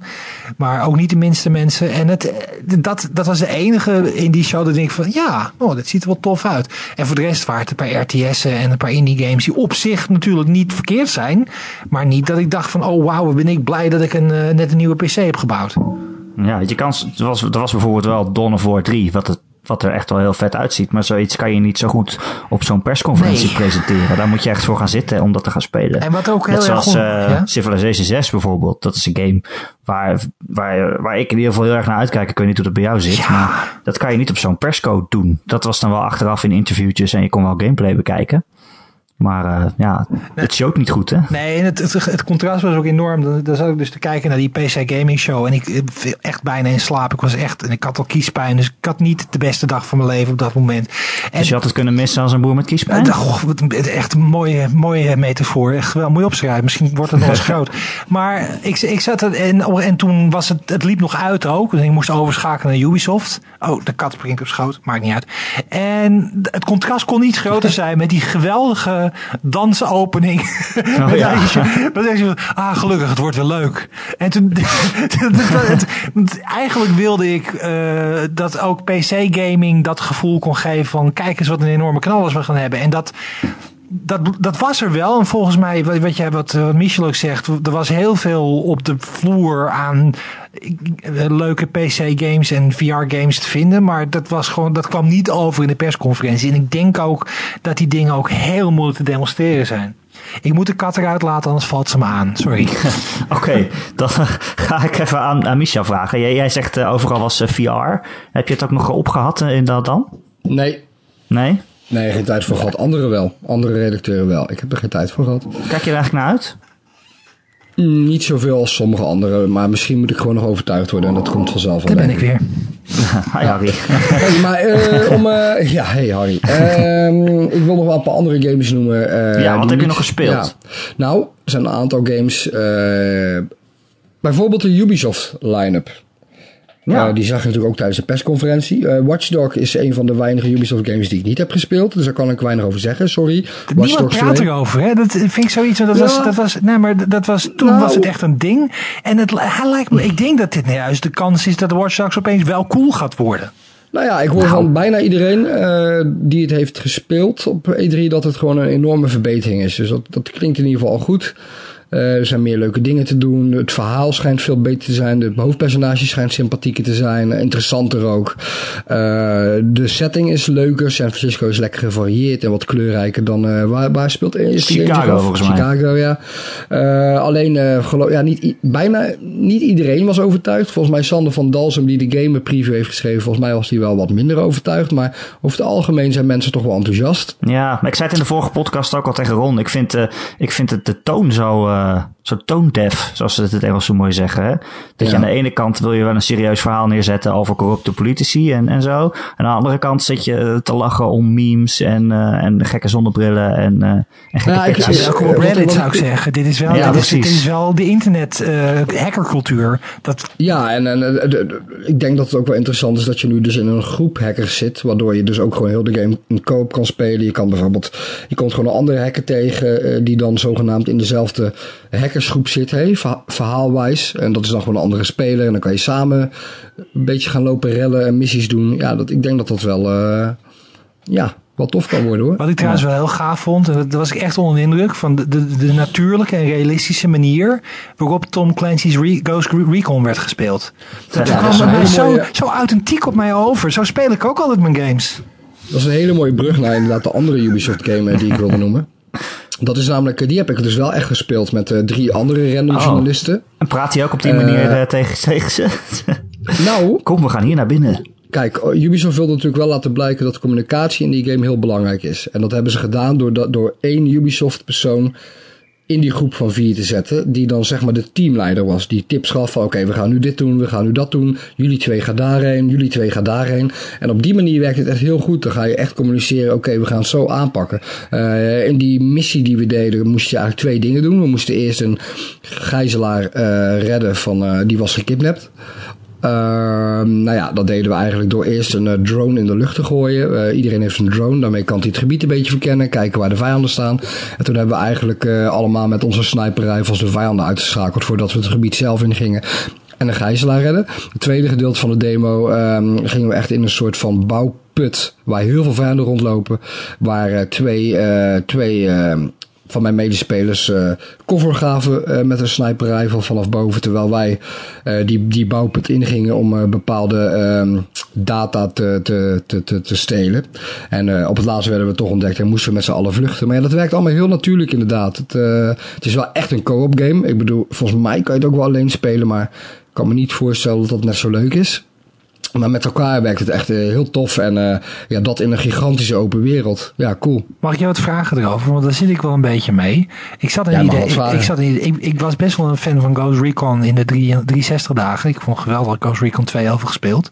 Maar nu ik hier naar zat te kijken, dacht ik van wat is hier nou eigenlijk het verschil tussen dit en Far Cry? Uh, Far Cry is een first person. Dat is, is, dat, nee, maar als ik ernaar kijk, ik zie een grote open wereld en ik zie dat je dus dit soort dingen hebt. Het, het, klinkt heel erg alsof dit Far Cry is met een Ghost Recon sausje. En ik ben een, ik ben een beetje bang dat het weer een Ubisoft open wereldspel is zoals Far Cry. En ik, was dus, ik hoop dus heel erg dat het dat niet is, omdat ik Ghost Recon best wel hoog heb zitten. En juist dat tactische wat je beschrijft, dat lijkt me heel erg gaaf. Maar het, ik kan me niet aan het gevoel onttrekken dat dit eigenlijk Far, Far Cry is. Ja, ik zie het niet zo eigenlijk zoals je het zegt, maar ja. Waar komt dit vandaan? Far Cry is toch meer gewoon in je eentje in de wildernis een beetje jagen en een beetje klooien. En, ja, maar je hebt die eh, basis die je over moet nemen. Je hebt al dat soort dingen. En uh, ik bedoel, ik zal niet zeggen dat het één op één is, maar je hebt een open wereld met verschillende bases, met verschillende checkpoints, verschillende uh, hoe heet het, missies die je moet doen. En dat, dat klinkt dan al heel snel voor mij als Far Cry met, met, met, met een Ghost Recon tactische interface. Ja, ik denk dan toch de, ja? Je hebt het eigenlijk gewoon over, over de, de Ubi-saus. Ja, ja, maar, ja, ja, maar dat... Ubisoft game, of heel veel, die hebben een open kaart met checkpoints die je vrij moet spelen, waardoor je weer meer van de kaart vrij speelt, waardoor je nieuwe missies krijgt. Ik denk dat het verschil hierbij is, het is ten eerste een echt voor vier spelers uh, die samen moeten werken, omdat dat gewoon uh, de ideale manier is om missies te klaren. Uh En de missies zelf, die in het overkoepelende verhaal heel erg uh, over criminaliteit gaat, over die drugsbaron daar. ik denk dat dat samen wel voor een unieke, redelijk unieke setting en gameplay zorgt. Ik hoop het, want ik, ik wil namelijk niet dat het Far Cry is. Want er is al een Far Cry. Er schijnen meer dan één Far, Cry. Er zijn er meer, ja. meerdere Far Cry's te zijn, heb ik gehoord. Ja. Maar, nou ja, ik, ik, ik kreeg dat idee in ieder geval nergens. En ik heb me kostelijk vermaakt in dat half uurtje. Maar ah, cool. ja, eh, ik denk dat we dat echt pas uh, kunnen beoordelen wanneer die game, wanneer we die uh, volledig kunnen spelen. Maar ja, goed. Ja, nou, ik, heb, ik heb liever dat je dat zegt dat het niet zo is. Hè? Dus even, het is niet dat ik... nee, ik snap het. heb jij dus, ook uh, die game Steep gespeeld, Michel? Ja. Ja? Want dat, dat zag er nog wel interessant uit, vond ik. Het is interessant. Het, het, deed me heel erg denken aan skate. En uh, dat deed mij daaraan denken omdat oh, je... Oh ja, dat van Ja, ja. Nee, nee. De, de, de skate-reeks van EA dus. Um, omdat je, net zoals daarin, uh, gebruik je in Steep niet zozeer knoppen. Ja, wel af en toe natuurlijk. Maar vooral de joysticks om trucjes te doen, om voor te bewegen, om dingen te doen. Dus uh, dat zorgt voor een hele vloeiende gameplay heel natuurlijke gameplay. En dat beviel me er wel aan. En het leuke is dat je gewoon inderdaad een gigantisch berggebied hebt waar je kan gaan en staan waar je wil. Uh, ik heb die map gezien, die was echt heel groot. En uh, je kan er gewoon vrij over die bergen uh, ja, snowboarden, uh, paragliden, freevallen of weet ik veel hoe die dingen, hoe die sport allemaal heten. Mm skiën. Maar je zegt, er is een hele grote kaart, maar in hoeverre is het dan gewoon uh, Far Cry op een snowboard? Ja. Ja, dat, ja maar ja, uh, ja, ja. Ik, zit, ja, ik, ik, ik, wou, ik, ja. ik, wou dezelfde grap niet maken, maar het, ik, ik, het lijkt me juist, ik ben zo blij met een spel wat nou niet over vette guns en explosies ging. En toch, uh, ik bedoel, dit is het soort, soort spel waar ik eigenlijk misschien wel meer naar uitkijk, omdat dat, je hebt en een adrenaline kick, want je bent uh, hoe heet het, time trials en weet ik wat dan doen, met vrienden of tegen vrienden, whatever. Maar je hebt niet het hele het gevoel dat je eigenlijk ook iemand bro moet noemen halverwege iedere minuut of zo. Weet je, kan gewoon lekker, ironisch, want juist de bro-cultuur komt uit de snowboarden. Maar het, het, is, meer, het is niet zo'n macho testosteron, uh, als, er, als er maar bloed is, is het gaaf game. En dat vind ik zo fijn. Helemaal niet. Het is inderdaad voor de liefde van de sport en voor de, voor de, voor de snowboard en, uh, en uh, de, de, de wintersportcultuur. Dat merk je ook, want die ontwikkelaars die wonen zelf ook aan, aan, naast, naast die berg, die gebergte waar ze is er waar de game modus? Nee, dan zou ik helemaal om zijn. Nee, maar um, ja, het speelt gewoon goed. Ubisoft weet zelf ook wel dat het niet het grootste succes ooit gaat worden. Want het is een sportgame, een snowboard sportgame, een extreme sportgame. Dat zijn meestal niet de grootste games ooit uh, qua successen. Maar de tijd is er wel rijp voor. Er, zijn, er is geen concurrentie. SSX bestaat niet meer, Coolboarders bestaat niet meer, Skate uh, bestaat niet meer echt, volgens mij. Ik, nice. ik, zit zo te, uh, wachten op een, nieuwe 1080. Dat was echt een ja. van mijn favoriete games op de Nintendo 64. En ja. daar, eigenlijk zoek ik nog steeds naar dat gevoel. En dat SSX Tricky gaf me dat net niet. En eigenlijk is dat nog steeds mijn favoriete all-time snow game ooit. En dit wordt het nou, ook niet, je, maar het, het, zag er wel heel gaaf uit. Kan je in ieder geval zeggen inderdaad dat Steep uh, wel misschien een beetje die behoefte gaat vervullen. Het was een hele vroege versie. Uh, nog niet alles klopte helemaal, maar de potentie was er al zeker. Ja. Nou, leuk. Ik heb daar wel zin ja. in, ja. Uh, was er nog een game die je gespeeld hebt die je nog wel uitlichten? Of, uh... Ja, ik wilde EA ook nog even uitlichten. Oh, ja, ja. Uh, nou, die had, die had heel weinig spellen waar ze echt iets van hebben laten zien. Dus, Ja, nou ja, FIFA hebben we niet gecheckt omdat we voor, de, pers voor de E3, sorry, ik ben, de, ja, de, voor de, de, vermoeid, de, vermoeidheid begint een beetje Waar ben jij nou moe van? Maar... Waar ben jij nou moe van? Kom aan, kom aan. even aandacht erbij. nee, dus... Um, ja, um, Mass Effect hadden ze niet en nee. Star Wars hebben ze ook niet. Dus, nee, Titanfall 2 even gecheckt. Dat uh, speelde gewoon helemaal prima. 60 frames per seconde. De grappling hoek is heel vet. Maar ja, het lijkt voor de rest wel heel erg op deel 1. Dus daar wil ik verder niet te veel woorden aan wel maken. Uh, ik wil wel nog hebben over Battlefield 1 natuurlijk. Dat was echt uh, grandieus. Ja, het zag er ook wel echt heel vet uit. Ik heb met 64 man, of ja eigenlijk dus 63 andere mensen, die game gespeeld. Een potje ja, ik weet niet meer hoe die modus heet, maar waarin je dus vijf verschillende punten moet veroveren door de vlaggen omhoog te hijsen, zeg maar. Ik weet het ook niet. Ja, Conquest. Ja, nee, klopt. En uh, ja, dat was tof. Uh, het is heel cool, die sfeer van de Eerste Wereldoorlog. Ja, met, alle respect, met alle respect ja. voor wat er toen gebeurd is natuurlijk. Uh, een hele coole sfeer in de game, laat ik het zo zeggen. Um, wat langzamer. Duurt, ja, je loopt wat minder snel ook. Na drie seconden rennen moet je ook weer stoppen. Omdat je natuurlijk zware geweren draagt en zo. Um, het herladen doet heel lang. Dus je moet echt goed timen met schieten. Want op een gegeven moment ga, ja, schoot ik op een vijand. Toen waren mijn kogels op. Toen moest ik herladen. Nou ja, die schoot me neer. Want het duurt wel een paar seconden voordat je herladen bent. Maar vooral de voertuigen. Man, man, man. Heel vet. Uh, ja, de vliegtuigen en de, en de tanks kennen we natuurlijk wel. Maar Soms krijgt een uh, team de mogelijkheid om zo'n grote zeppeling uh, uh, in, in het leven te roepen, zeg maar. Op het veld te krijgen. En dat noemen ze dan, dat noemt IE de Behemoth. Er zijn meerdere Behemoths, dus er zijn ook nog andere hele grote voertuigen. Behemoth, sorry, ja, mijn Engels. Nee, maar, geeft niet, maar... Ik, ik, ja. Ja, dat dus. en, uh, ja, en dat was, uh, nou, dat, dat was geweldig. Dat, dat veranderde heel het gevecht. Want opeens moesten alle mensen van het andere team daarop gaan. Omdat het anders einde verhaal was. want zo'n Behemoth Zeg ik het nou wel goed? Ja, ga gewoon, gewoon verder. Kunnen we het goed. Ja, ja. Die, uh, die, uh, ja, dat heeft zo invloed op het spel. En dat is zo groot. Uh, en dat is heel tof. Want je kan één speler bestuurt dat ding. Maar een andere speler kan ook nog eens bovenop in zo'n soort schietstoel zitten. Of in een stoel waarmee je dus de aankomende vijandelijke vliegtuigen neerschiet. kan je kapot schieten. Nou, je waant je echt in een oorlogsfilm. Echt heel ja, vet. Het, idee dat, dat, je met z'n allen op een hele grote zak gas uh, moet uh, duiken, dat doet me wel een beetje denken aan mijn ex-vriendin. Maar het, het, dus. Met z'n allen ook echt. Ja, nee, vertel mij wat. 64 man. dat, ik denk dat dat een lichte dag voor de was. Maar zo. Nee, ik ben niet bitter hoor, helemaal niet. Maar nee. ik, ik heb een hele tijd gehad dat ik me druk maakte over, de, de, over het feit dat het zich in de Eerste Wereldoorlog afspeelt. Omdat het gewoon een smerige, vuile rotoorlog is geweest waar heel veel leed en heel veel ellende uitgekomen is. Zoals eigenlijk alle oorlogen. Maar ik geloof dat ik mm -hmm. dat maar een beetje ga parkeren. Want op zich, ja, nou ja, volgens mij is de game wel heel mooi.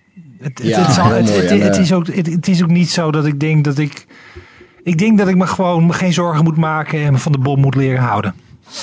Ja, kijk, ja, ik bedoel, de slavernij was ook echt verschrikkelijk. Maar uh, 12 Years a Slave is een hele mooie film. Mag je daar dan niet van genieten? Nou, bedoel, het, ja. het, het, verschil wat er voor mij was, is dat um, dingen zoals dat het een soort gamificering is van de meest erge wapens die de mensen om elkaar. Weet je, mosterdgas. In het spel is dat een wolkje wat ja. even is en dan is het weer weg. Terwijl je in werkelijkheid, als je daarmee in aanraking kwam, was je voor het leven blind als je niet dood was. En, nee, natuurlijk, dat is heel erg. Maar ja, laten ja. we wel wezen. De Tweede Wereldoorlog is ook verschrikkelijk. Hoeveel doden zijn daar niet gevallen? En uh, uh, ja, daar, daar, genieten we ook al jaren van in games. Om het zo ja, maar te, het, ja, het verschil, genuanceerd te zeggen. Het verschil is een beetje dat ik, ik had inderdaad het gevoel dat door dingen zoals de loopgravenoorlog in spelvorm te gieten, gieten Mhm. dat dat bij mij een beetje in de buurt kwam van het maken van een concentratiekampsimulator. En ja. omdat het namelijk uh, bijna van hetzelfde soort gruwelijkheid was. Uh, ja. Maar hoe meer ik die game zie, is het meer, heb ik het gevoel dat het veel meer een soort uh, shell is, een, een, een aankleding is van gewoon weer een Battlefield game. En dan, dan moet het ook maar gewoon niet al te moeilijk over doen. Kijk, ik weet niet hoe ze het aanpakken met de singleplayer. En of daar op een bepaalde respectvolle manier met die erge gebeurtenissen om wordt gegaan. Dat, we, dat kan ik niet zeggen. Ik heb alleen de multiplayer gespeeld. Wat als ze dat, doen? is dat, heel, is dat, prima, weet je wel? Ja, dat, de multiplayer was natuurlijk heel erg een, ja, een game. Hè? Ja, een, een, een, wedstrijdje. En ik kan alleen daar op dit moment over oordelen. En dat zat gewoon prima in elkaar, dat weet ik. En dat, het, het, het was een soort andere, uh, hoe moet ik het zeggen? Een ander speltempo en een ander soort multiplayer game dan dat je van shooters tegenwoordig gewend bent. Waar tegenwoordig heel veel shooters, zoals Call of Duty en Titanfall, heel snel zijn. Waar in principe niks mis mee is. Daar, uh, daar, daar krijg je in Battlefield 1 uh, eh, wat meer ruimte om te ademen. En uh, om het gevoel te hebben dat zo'n kwartier in de Conquest mode echt een, een wedstrijd is. En niet even snel potje run and gun. Dat klinkt wel weer heel gaaf. En dat vind, nee, maar dat vind ik dan wel weer en het, het is ook een wedstrijdje. En het heeft ook, ik denk als je het speelt, heb je ook, dat is bij iedere shooter, dat is ook wat niet-gamers niet snappen. Die denken dat als ze guns zien dat dat echt geweld is. Maar het is tikkertje. Daar komt het op neer. En Zeker, ik denk, dat, is, allemaal gewoon een, een, potje ticketje, ja. En, dat is, en, en daarom heb ik dat bij die multiplayer ook, en uh, begint het ook een beetje weg te zakken. Het was alleen om, om redenen waar ik niet op inga, had ik, zat ik vrij dicht op het gevoel van die Eerste Wereldoorlog. Nee, ik heb het niet meegemaakt. Zo oud ben ik niet. Maar, dus dat, dat, het vervuilde het beeld een beetje. Maar eh, alles wat ik dan zo hoor over hoe het spel speelt. En dat er best wel unieke manieren zijn. Omdat eigenlijk die teamsport grootste. Het is ook, ook op console, die 64 spelers. Dat vind ik ook wel zoiets. Het is gewoon één op één met de PC-versie. Dat is gaaf. Kijk, we kunnen er lang en breed over praten. Over inderdaad uh, hoe erg de Eerste Wereldoorlog was. En, uh, ik was er al over um, ja, hoor. Nee, nee, maar ik bedoel, dat, ik bedoel niet slecht. Maar inderdaad, waar het op neerkomt is wel dat eindelijk weer eens iets anders wordt gedaan met het shooter genre. En dat dat alleen maar te applaus... Ja, te, dat is natuurlijk alleen maar fijn. Uh, laten we een beetje gaan afronden, jongens. ik wil toch nog even weten, Misha. Wat, wat voor E3 was dit voor, volgens jou? Was het een goede? Uh, ja, een beetje wat ik in het begin zei. Uh, ja, het was al een goede E3. Genoeg leuks te spelen. Uh, tegelijkertijd voel je een beetje aan dat, dat E3 langzaam aan het veranderen is. Dat, dat ik me serieus afvroeg, bestaat deze beurs nog wel over een aantal jaar? Aan de andere kant, er waren wel weer veel bezoekers. Dus ja, ja het is een beetje... Ja, ja, eh, ja, maar als ik puur kijk naar hoe de bedrijven deden... Uh, was het een E3 wat op het nippertje toe toch nog vol zat met leuke verrassingen. Uh, en die toch weer bewezen waarom ik graag games speel. Dus dat is wel heel fijn. Uh, en voor mij persoonlijk was het ook nog eens een E3. Uh, wat wederom mij deed inzien dat ik dit werk enorm tof vind. Want we waren met een grote groep eh, wat enorm goed klikte. We hielpen elkaar allemaal. En persoonlijk, en dat wilde ik ook nog wel even benoemen, was ik zelf heel erg trots ook op, um, ja, op het eigen werk wat ik daar heb verricht in videovorm. Dat wilde ik nog even benoemen. Want um, ik vind zelf dingen als E3, dergelijke beurzen, um, dat kan je naast artikelen ook heel goed overbrengen in beeld omdat mensen dan echt zien wat het is. Omdat, omdat, omdat mensen dan het gevoel hebben dat ze er echt bij zijn. En ik wist van tevoren al dat ik er niet op kon rekenen dat we op Game.nl ook video zouden hebben. Omdat we hebben een videoteam en uh, niks ten nadele van hun. Want ze hebben het gewoon heel echt gigantisch druk, ook met Power Limited en Instant Game, waarin video een veel grotere prioriteit heeft. Uh, tegelijkertijd wilde ik toch meer doen ermee. En uh, ik besloot gewoon mijn telefoon erbij te pakken en een soort van te gaan vloggen. En toen heb ik gewoon het programma Adobe Premiere geïnstalleerd en ben ik gewoon wat gaan klooien. En ben ik gaan editen. En uiteindelijk hebben we toch zeven toffe video's, denk ik, uh, gemaakt. Die de persconferenties en de beurs uh, toch op een unieke manier vastlegden. En ik denk dat mensen daar ook wel, dat ook wel waarderen, waardeerden. En ik vond, ik vond het zelf een hele leuke manier om te doen. Uh, waarvan ik denk van, hé, hey, dat moeten we vaker doen. Dus dat was voor mij wel echt een, een hoogtepunt. Niet alleen wat E3 betreft, maar ook wat mijn carrière als gamejournalist betreft, denk ik. Ja, ik vond het ook echt leuk gedaan. Uh, ja, Zeker als je weet dat, dat, dat je daar eigenlijk geen, geen tijd voor had. Nul tijd eigenlijk. Nee, ik moest dan, ik, ja, dat was best bizar, want je loopt de hele dag op die beurs rond. Uh, dan kom je s'avonds thuis rond een uurtje of 7, 8. Uh, als je al niet de pech hebt dat je ook nog even ergens anders uit eten gaat of zo. Wat natuurlijk heel leuk is. maar, ja. Nee, maar dat is natuurlijk heel leuk. Maar dat zorgt ervoor dat je daarna nog langer moet werken. Maar anyway, s'avonds moet je die artikelen, de hands-on nog uitwerken. En tussendoor ben ik ook nog drie, vier uur aan het editen. Dus het was echt een E3 van drie, vier uurtjes per nacht slapen en weer door. Uh, maar toch, omdat ik het zo tof vond om te doen, heb ik dat toch gedaan. En uh, ja, ik, ja, dat vond ik toch wel heel cool om te doen. Ja. ja. Harry, heb jij genoeg leuks gezien op de E3? Uiteindelijk wel, maar dat was meer, was meer in de, de aftermath, zeg maar. Toen alle conferenties weg waren en het nieuws, eigenlijk het echte nieuws begon te druppelen dat ik een aantal dingen zag. Heel veel Oculus Touch. Uh, de Oculus Touch, dat zijn de bewegingscontrollers voor de, voor de Rift. Die, ja, wanneer uh, komen die eigenlijk? Er is nog steeds geen datum en geen prijs. Het enige, ja, dat is, eh, dat is maar een ding. Maar die, die in ieder geval voor het einde van het jaar. De geruchten zeggen nu november. Dus vlak voor de holiday season. Met 30 unieke touch games. En er zaten een aantal bij die me gewoon echt heel erg gaaf lijken.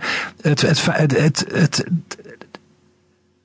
was een beetje teleurgesteld, want ik had eigenlijk verwacht dat dit de E3 zou zijn dat ieder derde woord in iedere zin VR zou zijn. En dat dit het hmm. moment zou zijn dat het echt door de strot van het collectieve gamervolk geduwd zou worden. Van jongens, het komt eraan.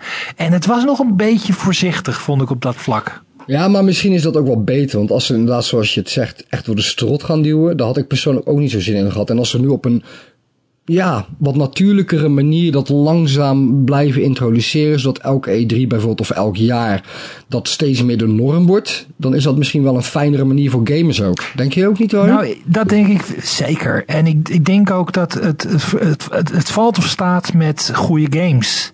En ze kunnen beter de tijd nemen om het langzaam op te bouwen en ervoor te zorgen dat er echt een paar echt goede games zijn die laten zien van dit is de reden dat je zo'n ding wil hebben. Want die tech op zich is niet boeiend. Weet je wel, eh, die, die technologie is gewoon is niks anders dan twee schermen die 3D-effect geven. Dat is niet zo boeiend. Wat je wil is ervaringen die je op een andere manier niet kunt hebben. Daar was, daar was ik zo blij ook met uh, Bridge Crew, Star Trek Bridge Crew, omdat dat echt iets doet wat in geen enkel ander medium op dezelfde manier kan. Ja. maar daarom ben ik ook zo bang dat het eigenlijk een beetje in eerste instantie een beetje gaat mislukken. Of in ieder geval niet zo groot wordt als veel mensen nu denken. Omdat veel van die dingen die aangekondigd worden, dat zijn echt een soort tech-demotjes. Sony, ah. Sony die had wel op zijn persco, die had, hadden ze bijvoorbeeld, nou dan heb je Star Wars X-Wing Mission. Dus dat is één missie, weet je wel. Je hebt dat, dat Batman VR-verhaal. dat is een ding wat, één, wat één uur duurt. Oh, nou dan wil ik nog wel een andere, een andere titel noemen. Dat is Farpoint. Dat is ook een game van Sony voor de PlayStation VR. En uh, waarin je op een uh, planeet loopt en, en, monsters neerschiet. En daar was iedereen ook razend enthousiast over. En dat wordt wel een volledige game. Ja, dus, oké. Dus het, is niet, het, het is dus- niet alleen maar tech demos. Nee, maar die, er zijn wel meer van dat soort demotjes dan dat je echt volledige games hebt. Oké, maar het punt, dit is nu het voordeel wat ook een beetje eigen leven gaat leiden. Dit is, dit is een beetje, het gaat een beetje de kant op dat als je VR zegt dat mensen zeggen, ach, tech demo's. En dat is ook weer niet zo. Want er zijn wel degelijk een aantal goede, pure VR games, die, waar je acht tot tien uur in kan duiken en die je iets nieuws bieden. Het zijn er, het zijn er alleen nog niet 300. En je moet wel even denken dat dit, dat kost tijd. En het is, er zijn zeker 20, 30 VR games op dit moment te koop nu die uh, gewoon goede grote games zijn. En, ja, maar dat, dat weten jij en ik, Harry. Maar ik ben er juist bang voor dat, omdat iedereen het nu de hele tijd over VR heeft, dat de mainstream mensen die nu niet zo in het nieuws zitten, die gaan het ook horen. En die denken van, oh, dit, dit gaat echt het volgende worden. En die kopen het misschien en dan valt het misschien tegen. Omdat het echt een eerste stap is in de VR. En we zijn nog lang niet op het punt dat het gewoon uh, al het gamen gaat, gaat vervangen of zo. Nou, maar daarom ben ik ook zo blij met wat Oculus doet. Uh, dat ze gewoon echt geld hebben gestoken in een aantal grote games die ze zelf financieren. Je kunt het eens zijn of oneens met het feit dat die dingen exclusief zijn voor de Rift. Maar ze zorgen er wel voor dat er, dat, dat bedrijf steekt echt geld in het maken van games die mensen er gaan van overtuigen. Net als Sony Uncharted heeft gemaakt om de PlayStation te verkopen, doet Oculus hetzelfde om die Rift uh, echt interessant te maken op basis van de inhoud. En dat komt komende half jaar moet dat zichtbaar worden. Ik had alleen gehoopt en verwacht dat E3 daar meer het moment voor was. En ik denk dat het dus nog een paar maanden gaat duren voordat dat echt helemaal groot en meeslepend ook zichtbaar is. Dat die titels er ook zijn. We gaan het zien, inderdaad. En Erik, heb jij nog uh, een mening over deze E3? Want je hebt natuurlijk ook uh, druk meegeholpen van het huis. Ja, ja ik, was, ik, ik was inderdaad tot en met Sony dacht ik ook van... Oké, het stelt niet heel veel voor. Het is allemaal wel leuk en er zijn allemaal wel games waar ik wel naar uitkijk. Maar ik ben niet echt weggeblazen. En Sony heeft dat uiteindelijk wel gedaan. Uh, we hebben ook toen de Gamer.nl podcast hebben we Sony als winnaar uitgeroepen. En dat ook boven in de koppen pontificaal gezet. En daar struikelen ja, nogal wat mensen over. Ja, toch Omdat, uh, ja, maar kennelijk vindt niet iedereen dat terecht. Ik dacht dat het op zich wel duidelijk was. Maar, nou, de tendens op E3 zelf was dat ook in ieder geval. Ja, maar er zijn ook wel een hoop mensen die zeggen... Ja, oké, okay, uh, Sony heeft wel uh, veel aangekondigd. Maar bij geen enkele game stond een release datum. Dus wanneer gaan we die games in godesnaam spelen? Het was ook het probleem met de vorige E3 uh, vorig jaar, dat iedereen zo blij was met de Final Fantasy VII remake en Shenmue ja. en uh, Last Guardian kwam weer terug. Maar ja, hè, ja wanneer gaan we die Final Fantasy even zien? Over, over een jaar of vijf? Dat heb ik inderdaad ook wel bij bepaalde games die wat korter werden getoond op, uh, op uh, Sony's persconferentie. Hoe tof de aankondigingen ook waren. Bijvoorbeeld, waar we nog niet over hebben gehad, is Death, Death ja, Stranding van, van, uh, van Kojima. Hideo Kojima. Wat sowieso natuurlijk echt, nou, die kerel die kwam op het podium alsof het de tweede Jezus was. Zo hard ging het publiek de keer. Er stonden mensen op de stoelen. Er stonden mensen die werden helemaal gek in de zaal. Dat was niet normaal. wat natuurlijk ook wel logisch is, want die weg naar, uh, naar dit moment toe, uh, dat gedoe met uh, Konami en weet ik veel wat. Ja, dat, dat is natuurlijk wel logisch dat mensen dan zo reageren. Dat hij opeens op het podium klimt en even toch nog een game met Norman Reedus toont. Wat er nog had afgemaakt was dat er in de credits had gestaan dat Guillermo del Toro er aan mee had gewerkt. ja. Maar maar dat was natuurlijk ook uh, gigantisch. En zo waren er nog wel een paar games op Sony's persconferentie. Ja. En daar heeft Sony sowieso wel een handje van. Ook al met de PS3-aankondiging. Uh, tien jaar geleden, toen toonden ze games zoals Eight Days. En uiteindelijk bleek dat meer een concept wat, wat gewoon verdween. En dat is bij Sony altijd het gevaar. Maar daar ben ik ook blij dat titels als God of War en. Uh, nou ja, daar stond ook geen release bij hoor. Bij nee, nee, nee, maar die waren allemaal wel speelbaar achter de schermen. En dat was niks. wel. Nee, dat, Last Guardian is ook een keer speelbaar ja, ja. geweest in 2008. Dus, uh. Ja, dat, ja oké, okay, dat is waar. Maar toch, het, het, maakt het allemaal wel al wat tastbaarder. Ja, maar ja, kijk, ja, je zegt Dead, Dead Stranding, zeg jij. Maar Kojima die heeft gezegd van ja, we zijn dan eigenlijk nog niet eens met de volle productie begonnen. We, hebben de nee, we gaan de, binnenkort de engine uitkiezen. Ja, dat kan ook niet anders, want hij is nog in die transitie. Dat is helemaal niet ja, gek. Maar waarom kondig je het dan nu al aan? Ik vind dat wel een beetje onnodig. Ja, ik vind het wel tof da, hoor. Da, da, ze elkaar hand hebben. Dit, wat Sony en ja. Kojima gedaan hebben, is elkaar publiekelijk een knuffel gegeven. Net als presidenten van verschillende landen dat doet. Van kijk, we, we, gaan dit samen doen. Symbool. En het is gewoon een symbool van jongens, uh, wij geloven wel in hem. Maak je geen zorgen. Kojima game komt op de PlayStation 4.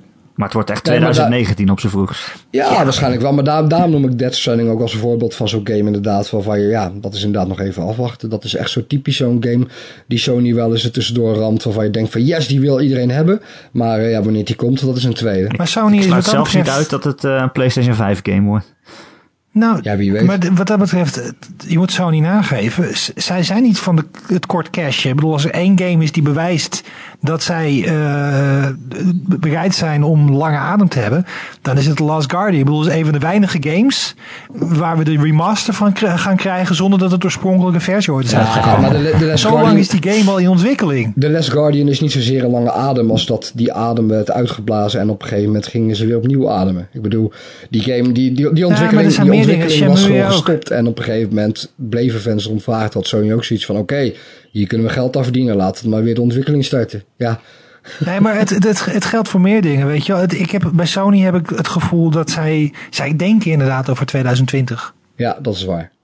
Fans van uh, de Gamer.nl podcast, die hoeven niet zo'n lange adem te hebben. Want uh, volgende week is er gewoon een nieuwe aflevering te downloaden via onze website Gamer.nl. Je kan hem ook luisteren via ons YouTube kanaal of uh, je abonneren op iTunes. Dan krijg je het gewoon vanzelf op al je Apple producten. En als je dat toch bent, vinden we het heel leuk als je ook een keer een recensie achterlaat. Een sterrenrecensie en misschien nog een tekstje erbij. Want dan zijn we weer beter vindbaar voor nieuwe luisteraars. En als je geen Apple hebt, dan zijn we ook te vinden op allerlei andere podcast-apps. Heb je nog uh, vragen voor onze podcast of een onderwerp wat je graag wil dat we een keer behandelen? Dan kun je me mailen. erik.gamer.nl Erik met een k. gamer.nl Met een k? Ja, dat is, je verwacht het niet, maar ik zeg het er maar bij. Er zijn ook Erik met een C, het zijn allemaal nepperts. Maar, vooruit. Eh, je hebt ook Harry's met IE volgens mij. Ja, bij Starbucks is dat altijd mij. Altijd, eh, hoe heet je Harry? Met, eh, doen ze met IE. Waar, waarom? Ja, dat doen ze expres. Omdat eh, heel veel mensen die gaan vervolgens eh, hun Starbucks Juist. speaker delen op social media. Zo van kijk eens hoe achterlijk ze het nu weer hebben geschreven. En dat is gratis reclame. Zo doen ze dat. Ik deel het ook Ja, als, jullie, als, jullie, als jullie het niet erg vinden, ga ik nu een uh, schoonheidsslaapje doen. Want, Oké, eh, heb jij het er niet nodig. nou ja, ja, nee, maar ik eh, val bijna in Ik wou zeggen, hoe, Oké. hoe lang heb je vrij? nou, ik moet maandag gewoon weer aan de slag hoor. Oh, dan slaap ik even door dan. Hey Michel, ik dankjewel dat je wilde aanschuiven zo eh, uit het vliegtuig. vers uit uh, het vliegtuig. pleasure. Ja. En uh, Harry ook bedankt. Ja, graag gedaan. Niet uit het vliegtuig, maar wel toch bedankt. Nee, Erik, jij ook bedankt. jij En ik bedankt. ook bedankt. Ja, Erik, bedankt. En uh, graag tot volgende week. Yo.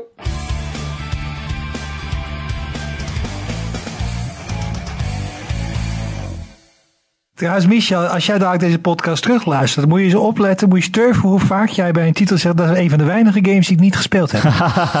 dat viel me op. Ja, maar ik heb ook best wel veel games dus wel gespeeld, maar die hebben we gewoon niet behandeld. Ik Nee, dat geloof ik. Ik geloof dat je heel veel gespeeld hebt. Alleen Wat ik vond het zo grappig dat in de podcast was het echt zo van, nou, dat is een van de weinige games die ik niet gespeeld heb. Nou ja, de twee topgames voor mij, The, Last Guardian en Zelda in ieder geval wel, dus dat scheelt. Dat zijn wel leuk inderdaad. eh, ook, ook, ook Ghost Recon Wildlands trouwens en, wa- en eh, Steep, dus nou, het valt op Battle, zich wel mee. Battlefield. Maar- Battlefield 1 heb je gespeeld met Battlefield. 64 spelers. Harry, is het jou ook Ja. opgevallen dat hij dus ergens was en iemand zei tegen hem: Hey, eh, wil je anders misschien eh, Star Trek Bridge Crew spelen? En dat hij toen zei: Nou, nee. Hey, ik, ik, ik, probeerde daar niet op te reageren, omdat ik beschuldigd word van fanboyheid als het om die game gaat. Maar what the fuck, Michel? Ja, gast, hallo, ik moest door naar mijn volgende afspraak. Eh, het is goed, Eh, weet je wel niet hoe volgepland je E3-planning staat? joh? Nou, dat kon gewoon niet. Eh, ja, dus daarom.